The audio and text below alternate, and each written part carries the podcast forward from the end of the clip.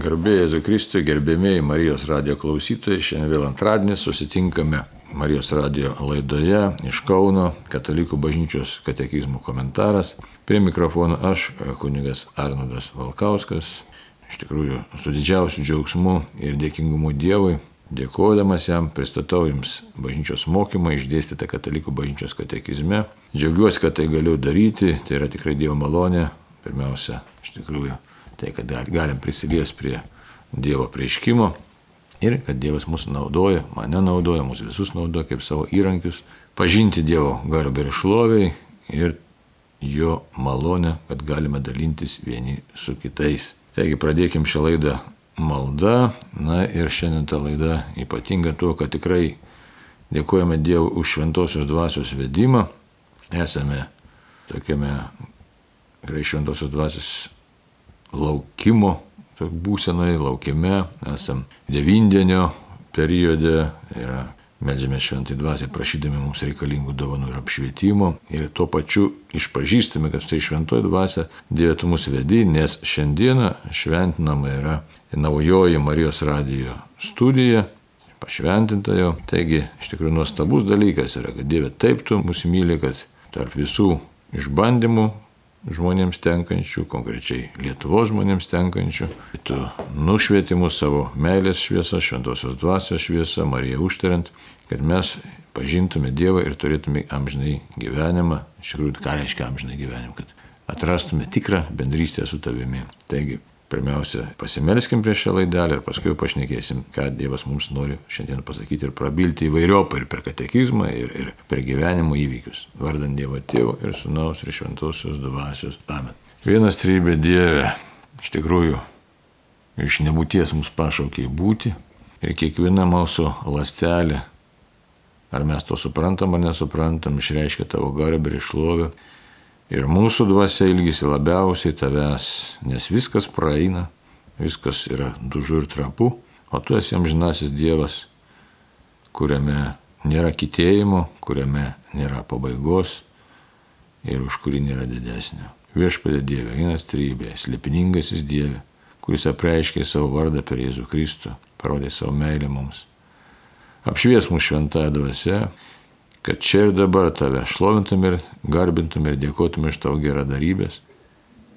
Ir kad toliau mums leistum į tave žvelgti su visaugančia meile, visaugančiu pasitikėjimu, kad tavie atrastume visus atsakymus į gyvenimo klausimus, į visus gyvenimo slėpinius ir kad įvykdytume tavo valią taip, kaip tu ją nori.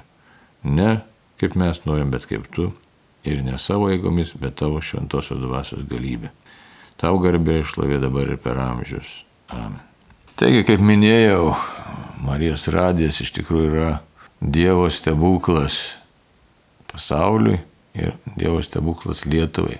Aišku, su tam tikru liūdėsiu reikia sakyti, kad štai Marijos radijas yra Dievo stebuklas. Dabar kodėl sakau su liūdėsiu? Už tai, kad tai nėra tiesiogiai priklausantis bažnyčiai radijas ir tai yra iš esmės vienintelis viešas balsas, kurio dėka bažnyčia pasiekė tikinčiųjų protus, širdis, pasiekė ausis, pasiekė tą informaciją, ką šiandien, na, tiesiog apie tikėjimo turinį, ką bažnyčia nori gali pasakyti.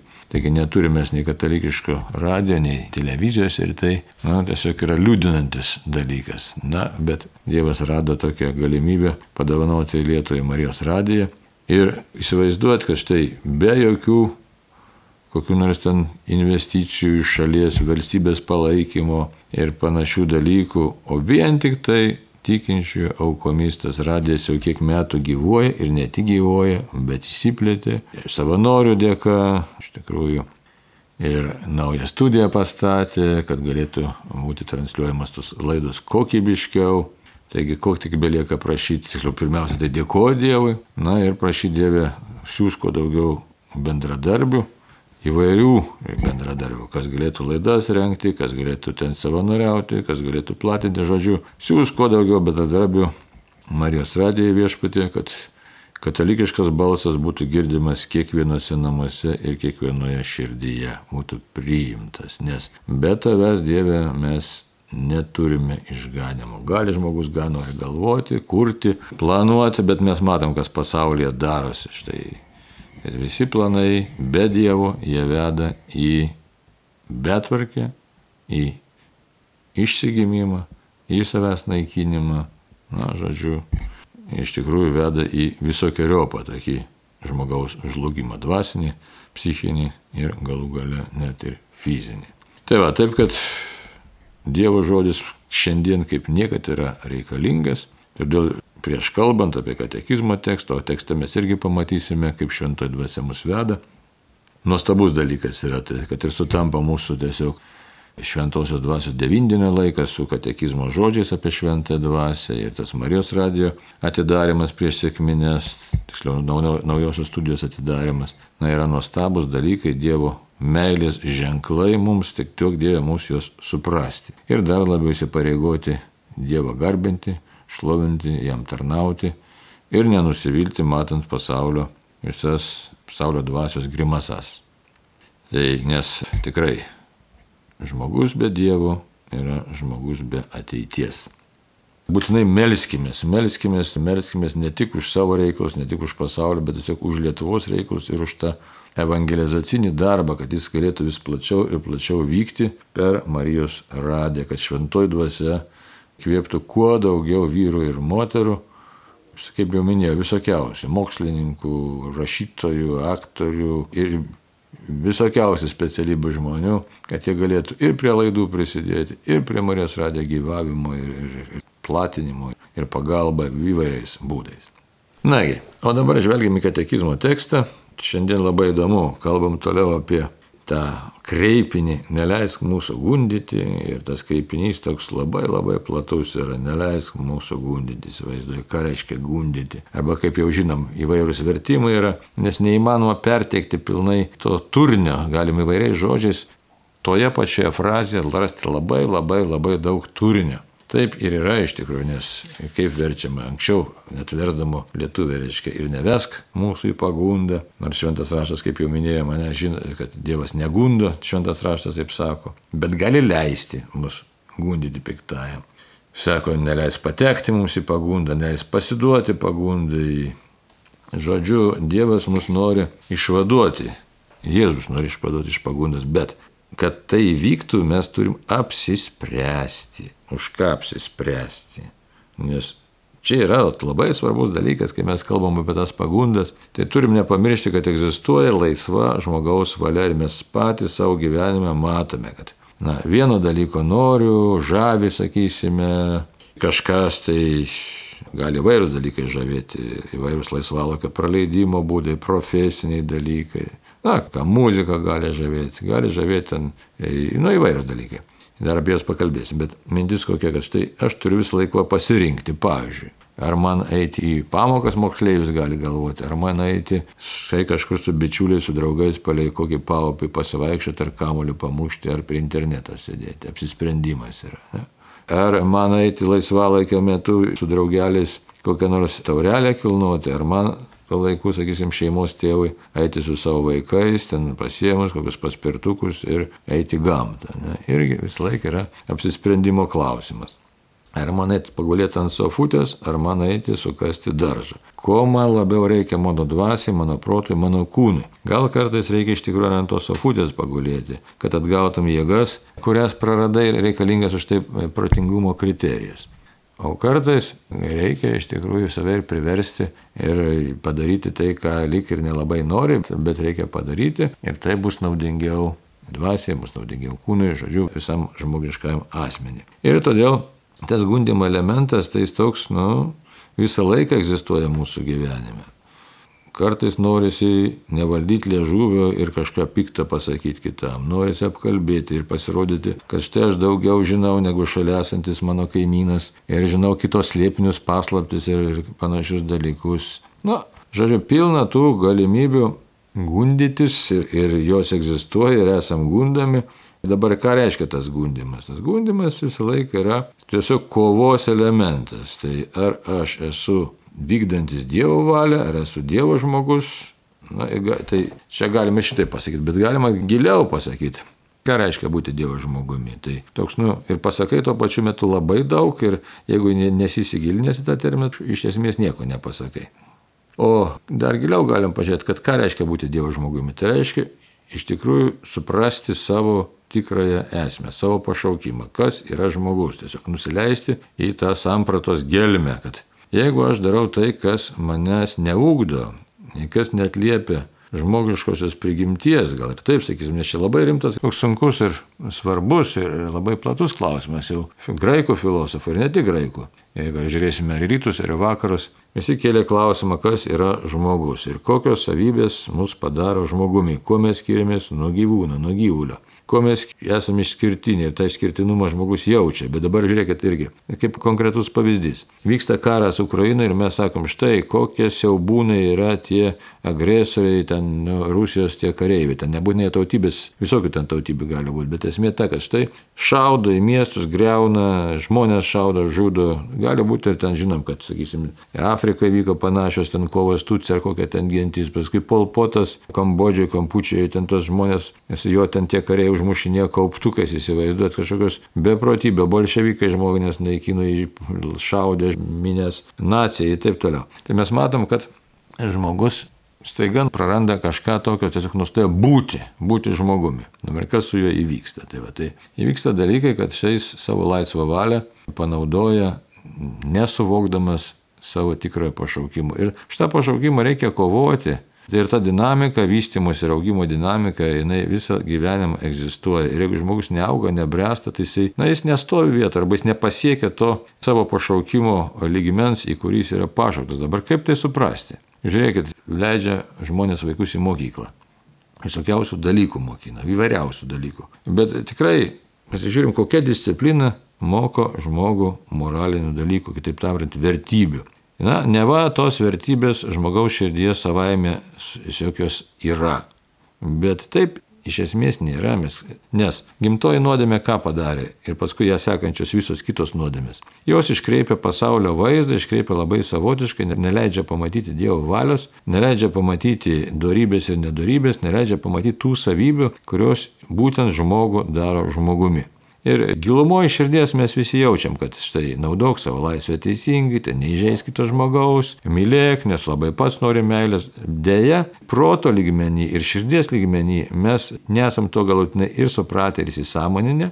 Ir kaip kam pavyksta, daugiau, mažiau tos meilės, ar ten to supratimo, o kai prasideda įvairios gyvenimo tokios, na, situacijos gyvenimiškos, kasdieninės situacijos, labai sunku jau tada suprasti, kur čia aš teisingai elgiuosi, kur čia kitas neteisingai elgesi. Ir tada mes linkę pasiduoti įvairiausiam savo supratimams, interpretacijom, kaip man atrodo, žodžiu, tokio atskaitos taško moralinių kategorijų koordinačių sistemos Jeigu mes jos nesam gerai įsisamoninę, o dauguma ir nesam įsisamoninę, nes nieks mūsų mokykloje to nemokino, šeimoje taip pat nemokino, o net jeigu ir mokina, tai kažkas, tai, sakysim, seminario ar dar kažkur, tai, bet egoizmas puikybė dažniausiai neleidžia pritaikyti to supratimo, kad štai turi ten įveikti savo egoizmą, savo savimylę, puikybę ir, ir taip toliau. Ir tokiu būdu mes būnam nutolę nuo to vertybinio mąstymo.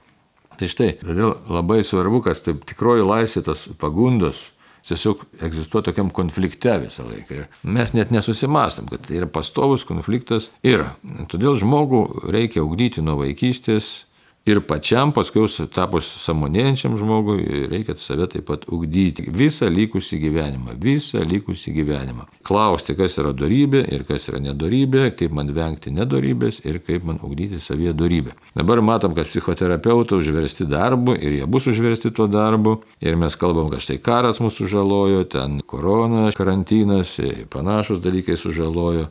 Bet kito dalyko nematom gilesnio dalyko. Jeigu žmogus gyventų vertybinį gyvenimą, tą Dievo žmogaus gyvenimą, jis suprastų, kas yra žmogus, kas yra svarbiausi dalykai, kas yra pirmoji vietoje, kas antroji vietoje, tai tos visos išorinės aplinkybės mūsų veiktų daug mažiau. Nes problema yra su mūsų tapatybė. Mes visą gyvenimą blaškomės ir ieškom savo tapatybės, nes tapatybė susijusi tiesiogiai su tvirtumu, su tvirtumo darybė. O tvirtumo darybė taip pat susijusi ir su kita darybė, su meilės Dievui darybė ir su meilės artimui darybė.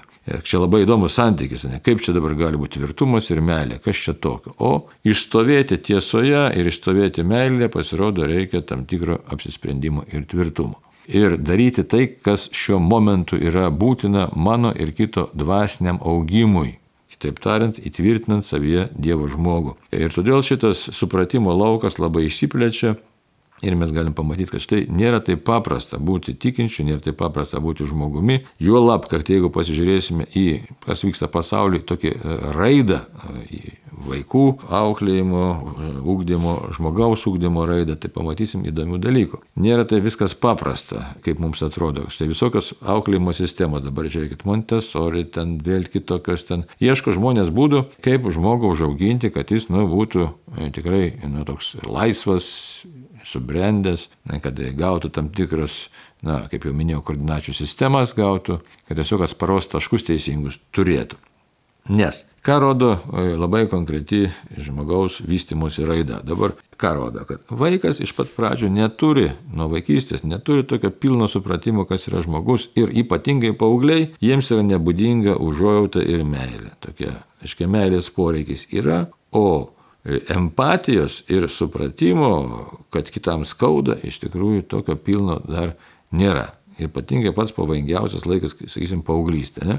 Ir žinom, kad štai maždaug čia, nu, ne, kelių metų statistika, štai, sakysim, Afrikoje, aišku, yra ypač panaudojami paaugliai karui ir tai patys pavojingiausi kariai, kadangi jie neturi jokios užuojautos iš tikrųjų priešininkų, jokio gailėščio, nes jie kai pabando vieną kitą panaudodami ginklą, paauglys jau gali nuo 12, 13, 14 metų, jisai puikiausiai gali šaudyti. Taigi, nužudęs vieną kitą žmogų, jau pripranta prie tų žodinių ir jo psichika visiškai pasikeičia. Ir čia vienu metu buvo skalambijama varpais, kad gelbėkime Afrikos jaunuolius, nes jų ten apie 200 tūkstančių ar virš, iškai yra tie vadinami vaikai kareiviai, kurie pasižymė nepaprastų žiaurumų.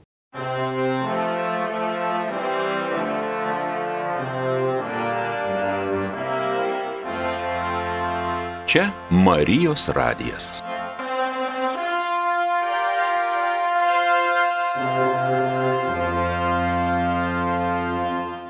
Tai matom, kad štai, atrodo, nuo temos lyg ir nuklydama, ne, nenuklydom iš tikrųjų, neleis mūsų gundyti, kad žmogui reikia nuolat kovoti už save, už savo tapimą žmogumi. Ir jeigu mes to nedarome, tai mes patys nejausdami iš tikrųjų gyvenam tokį, nu, banalų kažkokį tai netapę savimi to, ko galėtume būti gyvenimą. Kitaip tariant, neaugdami darybėse, mes savotiškai išduodame save. Tai va taip, kad už tai tas neleis mūsų gundyti, tai nepalik savyjeigai, nepalik piktosios dvasios veikimui, nepalik viešpatie pasaulio įtakai, bet padėk man pažinti ir atskirti, kas yra kas ir kokiu keliu man reikia eiti. Tai štai, dabar pažvelkime 2847 numerį kuris būtent ir kalba, kaip pažinti, kaip atskirti, kas čia vyksta, nes ne viskas mums pasaulyje patinka ir ne viskas, kas nepatinka, yra bloga ir ne viskas, kas patinka, yra gera. Taigi tekstas yra toks. Šventoji dvasia mus moko atskirti išmėginimą būtiną vidinio žmogaus augimui, kad būtų išbandyta darybė nuo pagundos vedančios į nuodėmę ir mirtį. Mes taip pat turime skirti, kada esame gundomi ir kada pritarėme pagundai. Pagaliau gebėjimas skirti atskleidžia pagundos melą. Jos objektas rodosi esas geras, žavus akims, geistinas, o iš tikrųjų jo vaisius yra mirtis. Ir čia Origeno veikalo deoracionė, tai yra apie maldą, veikalo citata pateikiama kaip papildymas, kaip iliustracija. Dievas nenori kam nors primesti gėrio, jis nori laisvų būtybių. Kartais ir pagunda esti naudinga. Niekas išskyrus Dievą nežino, ką mūsų siela yra iš jo gavusi. Nežinome ne mes patys. Tačiau pagunda tai parodo, kad mus išmokytų save pažinti, atidengtų mūsų skurdą ir įpareigotų dėkoti už jos mums parodytas gerybės. Taigi, kaip matom, laisvės elementą iš karto jau Originas išskiria. Laisvės elementas. Bet ką su tą laisvę daryti, jau žmogus turi mokėti ją panaudoti. Dabar apie pažinimą. Taigi šventoji dvasia mus moko atskirti išmėginimą, bet ne bet kokį. Būtina vidinio žmogaus augimo. Čia kaip su ta mokykla, kaip su tais paaugliais. Jeigu niekas mūsų nemokino, arba mokino gatvė, ar mokino netinkami draugai, tai mes savo gyvenimą tiesiog, na, matysime su laiku labai komplikuotą. Ir čia mums kalbant apie išmėginimą, sako, būtina vidinio žmogaus augimui. Pateikiama šiek nuoroda į evangelisto Luko evangeliją pagal Matą 8 skyrius 13-15 eilutės. Būtent, kad štai žmogus yra ta dirba ir Dievo žodis krenta į tam tikrą dirba paruošta arba neparuošta ir paskui tie vaisiai arba būna, arba jų nebūna. Žiūrėkit, koks tikslas, ta, atsiprašau, kokia citata. Taigi čia kalbama palyginimas apie Dievo sėklą. Taip. Ant uolų tie, kurie išgirdę žodį su džiaugsmu jį priima, bet neturi šaknų, kurį laiką jie tiki, o gundami atkrinta. Kas krito tarp reiškėjų, tai tie, kurie išgirdo, bet tolin eidami liko nusmelkti rūpešių, turtų ir gyvenimo malonumų ir neduoda vaisiaus nukritusi gerą žemės sėklą, tai tie, kurie klauso žodžių, išsaugo jį taurioje ir geroje širdyje ir duoda vaisių kantrumu.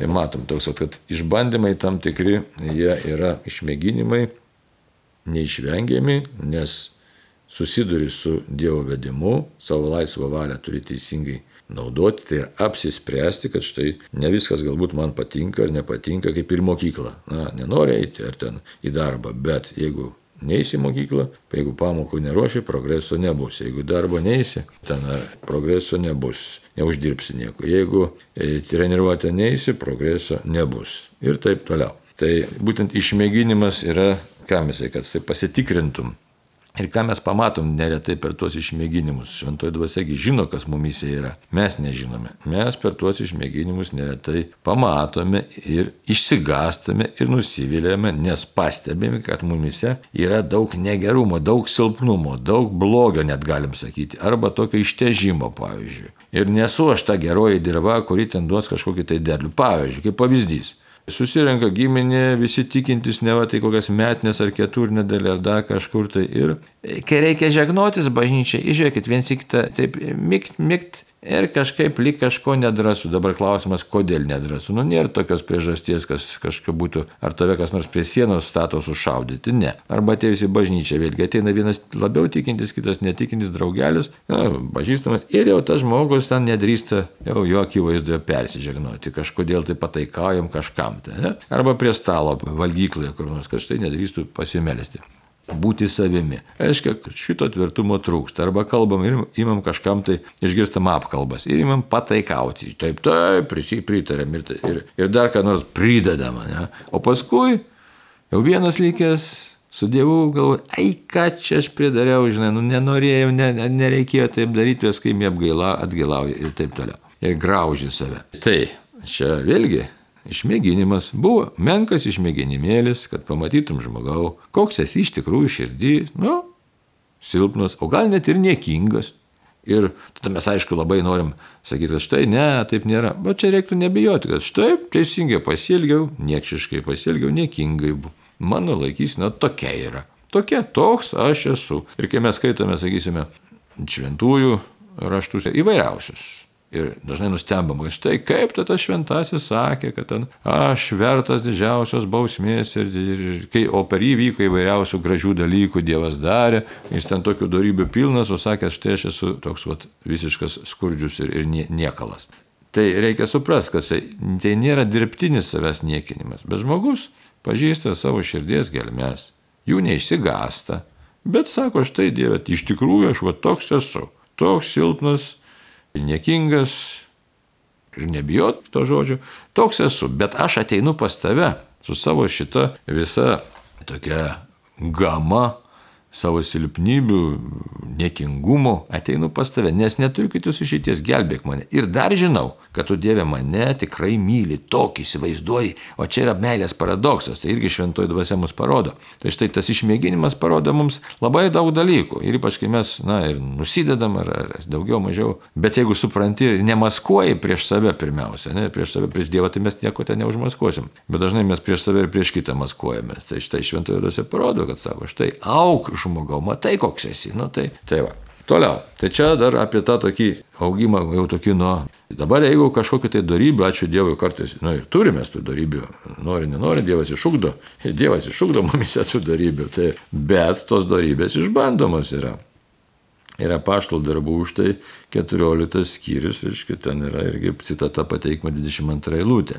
Taip, ten jie stiprino mokinių dvasę bei ragino jas išlaikyti tikėjimą ir sakė, per daugelį vargų mes turime įeiti į Dievo karalystę. Ir dar matysim kitose vietose, ne, kur kalbama apie šitą tą ūkdymą būtinai. Nes turi darybę sustiprėti mumise, nes matom, kad jeigu aš esu silpnas kurioje vietoje, tai Dievas mane vis bando ir bando ir bando ir bando toje vietoje, kad man jie išsiugdytų priešingą savybę. Vietoj baimės drąsa, vietoj pataikavimo atvirkščiai tvirtumas, vietoj baimės sakyti tiesą, atvirkščiai ryštas būtent kalbėti tiesą, nes kitaip aš netapsiu laisvu žmogumi, laisvu Dievo žmogumi. Tai va, taip, kad su tom pagundom taip jau yra. Ir dar kas įdomu, dar, dar antrą Timotėjus dar norėjau priminti čia laiško trečias skyrių 12 eilutę, kas tai sako. Ir visi, kurie trokšta maldingai gyventi Kristų Jėzui, bus persiekimi. Tai va, persiekimai irgi niekam nepatinka, nes taip norisi ramybėje gyventi. Negali patikti persiekimas, nes norisi, nu, melstį Dievą, garbinti jį, džiaugtis gyvenimiškais dalykais, pavalgyti, pailsėti, su bičiuliais pabūti, matyti savo, sakysim, kas vaikų turi, ne vaikų ir, ir anūkų gražų gyvenimą. O persiekimai jie įvairiausių. Žiūrėkite ir dabar, aiškiai, buvo bolševikinis laikas, persiekio draudė. Dabar vėl kitaip draudžia mąstyti, kad štai tu nesakyk, kas čia yra, apie tas lytis nekalbėk, čia to nesakyk, nes čia tau gali būti blogai. Nu, žodžiu, peršai įvairiausių.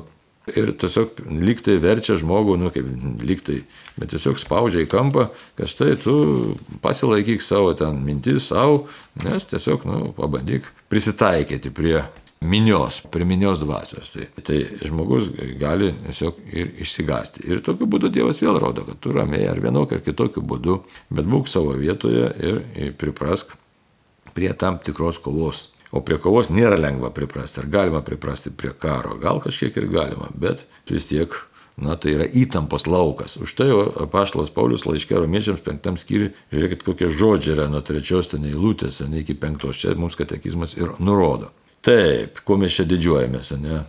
Ir ne vien tuo, mes taip pat didžiuojamės sielvartas, žinodami, kad sielvartas gimdo ištvermę. Ištvermė išbandyta darybė, išbandyta darybė vilti, o viltis neapgauna, nes Dievo meilė yra išlieta mūsų širdise šventosios dvasios, kuri mums duota. Čia jau tokia labai programinė apaštalo Pauliaus kalba, tokia eilutė, na viskas sudėstyta, jeigu mes įsigilintume, tai mes pamatytume, kad čia štai išskaičiuotos dorybės, visa eilė dorybių, kurios būtinos mums gyvenime, kad na, tiesiog neišsižadėtume savęs, neprarastume savo pašaukimą, neprarastume savo kelio. Ir jos taip įdomiai čia išskaičiuotos, nes žiūrėkit, Ištvermė reikalinga, viltis reikalinga, viltis neapgauna ir išpažinimas, kad šventoji dvasia mumise realiai yra ir ta šventoji dvasia mums kalba ir mums byloja būtent apie Dievo meilę. Tai Dievo meilė mums išlėjo šventą dvasę. Tai mes ne bet kas esame, bet kad mes neprarastume savęs, kad mes neišniekintume šventosios dvasios esančios mumise, mums duoda sielvartą. Įsivaizduoju. Taip nesinori tų sielvartų. Nu? Nu, taip norisi kažko tai paprastesnio, lengvesnio. O čia pasirodo mums duoda sielvartą, kad mumise įsitvirtintų dvasinis Dievo žmogus. Nu va. Taip, kad tos, aišku, kartais labai išbandymai būna sunkus, nes žmogus pavarksta nuo gyvenimo, pavarksta nuo kančios, nuo to zulinančio skausmo, pavyzdžiui, nes sanarių ar dar ko nors tenai. Taip, kad nėra paprasta. Tai va. aišku, gali būti ir pagundos, kitos pagundos vedančios į nuodėmę ir mirtį. Čia mes žiūrim apaštalo Jokūbo, pasižiūrėkime, čia yra laiškas ir ką apaštalas Jokūbas sako. Pirmas skyrius nuo 14 iki 15 eilutės. Pasižiūrėsime tuoj. Šiaip tai jisai, aiškiai, pačioj pradžioj Jokūbas kalba irgi apie išbandymus, apie išmėginimus, visokių entuzijazmų iš pradžių sako. Laikykite, broliai, tikrų džiaugsmų, kad pakliūvote visokius išmėginimus. Supraskite, jūsų tikėjimo išmėginimas gimdo ištvermę, tai vėl kaip Paulius, ne? Ištvermė subręsta darbuose, kad jūs taptumėte tobuli, subrendę ir nieko nestokotumėte. Tas nieko nestokotumėte, tai reiškia nestokotumėte Dievo akivaizdo, kad būtumėte laisvi Dievo liūdyti iki galo. Na, o dabar apie tą gundimą. Gundimas gali būti ir kitoks, ne? Sako, kiekvienas yra gundamas savo geismo pagorbtas ir suviliotas. Paskui įsiliepsnuojas geismas pagimdo nuodėmę, o užbaigta nuodėmė gimdo mirtį.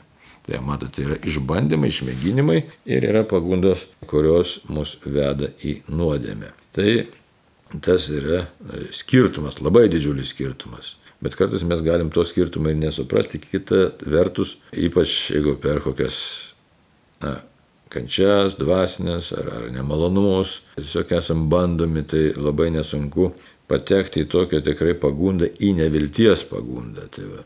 ir tada jau labai sunku susigaudyti, ar čia mane ugdo darybėje, aišku, visą laiką darybėje ugdaisi, ar jau aš čia esu tiesiog, na, ant tos ribos, kad štai ieškoti netikros pagodos ir tada jau netikros pagodos ieškojimas įvairiais būdais pasireikšdamas gali mane nuvesti į nuodėmę, na, o atbaigta nuodėmė jau tada jinai gimdo dvasinę mirtį. Tai va. o jeigu dvasinė mirtis, tai laiko klausimas tik tada, kada iš vis mano ta mirtis apims visą mane, nes jeigu, žinom, kūnas mirtingas, dvasia nemirtinga, tai jeigu mano dvasia miršta, to kūnas anksčiau ar vėliausiai miršta.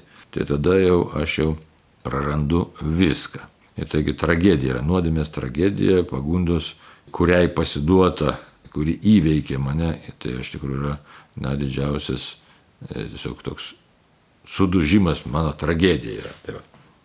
tai todėl katekizmas mus primė, mes taip pat turime skirti, kada esame gundomi ir kada pritarėme pagundai. Čia kitas momentas yra. Tai prie jo dar e, išsiplėsim, sugrįšim paskui, o dabar šiandien jau žiūriu laikas besibaigiantis, tai apibendrinkim viską. Tai tikrai esam neramiam pasauliu, niekada jis ramus ir nebuvo, gal tik periodai ramesni daugiau.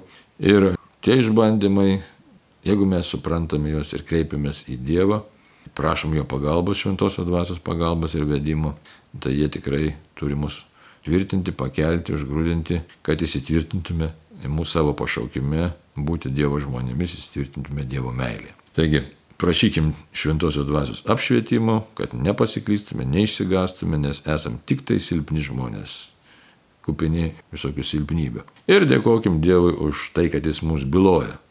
Byloja per mūsų Marijos radiją, byloja per bažnyčią, byloja per šventą raštą, byloja per mūsų maldą, byloja per mūsų sąžinės. Taigi viešpė tau garbė išlovė, šiandien laidą baigiame dėkodami už visas tavo gerą darybės ir malonės ir pasilikime maldoje už savo artimuosius, už tevinę Lietuvą ir viens už kitą. Laimina viešpas. Tam kartui sudė. Prie mikrofono buvo kuningas Arnoldas Valkauskas.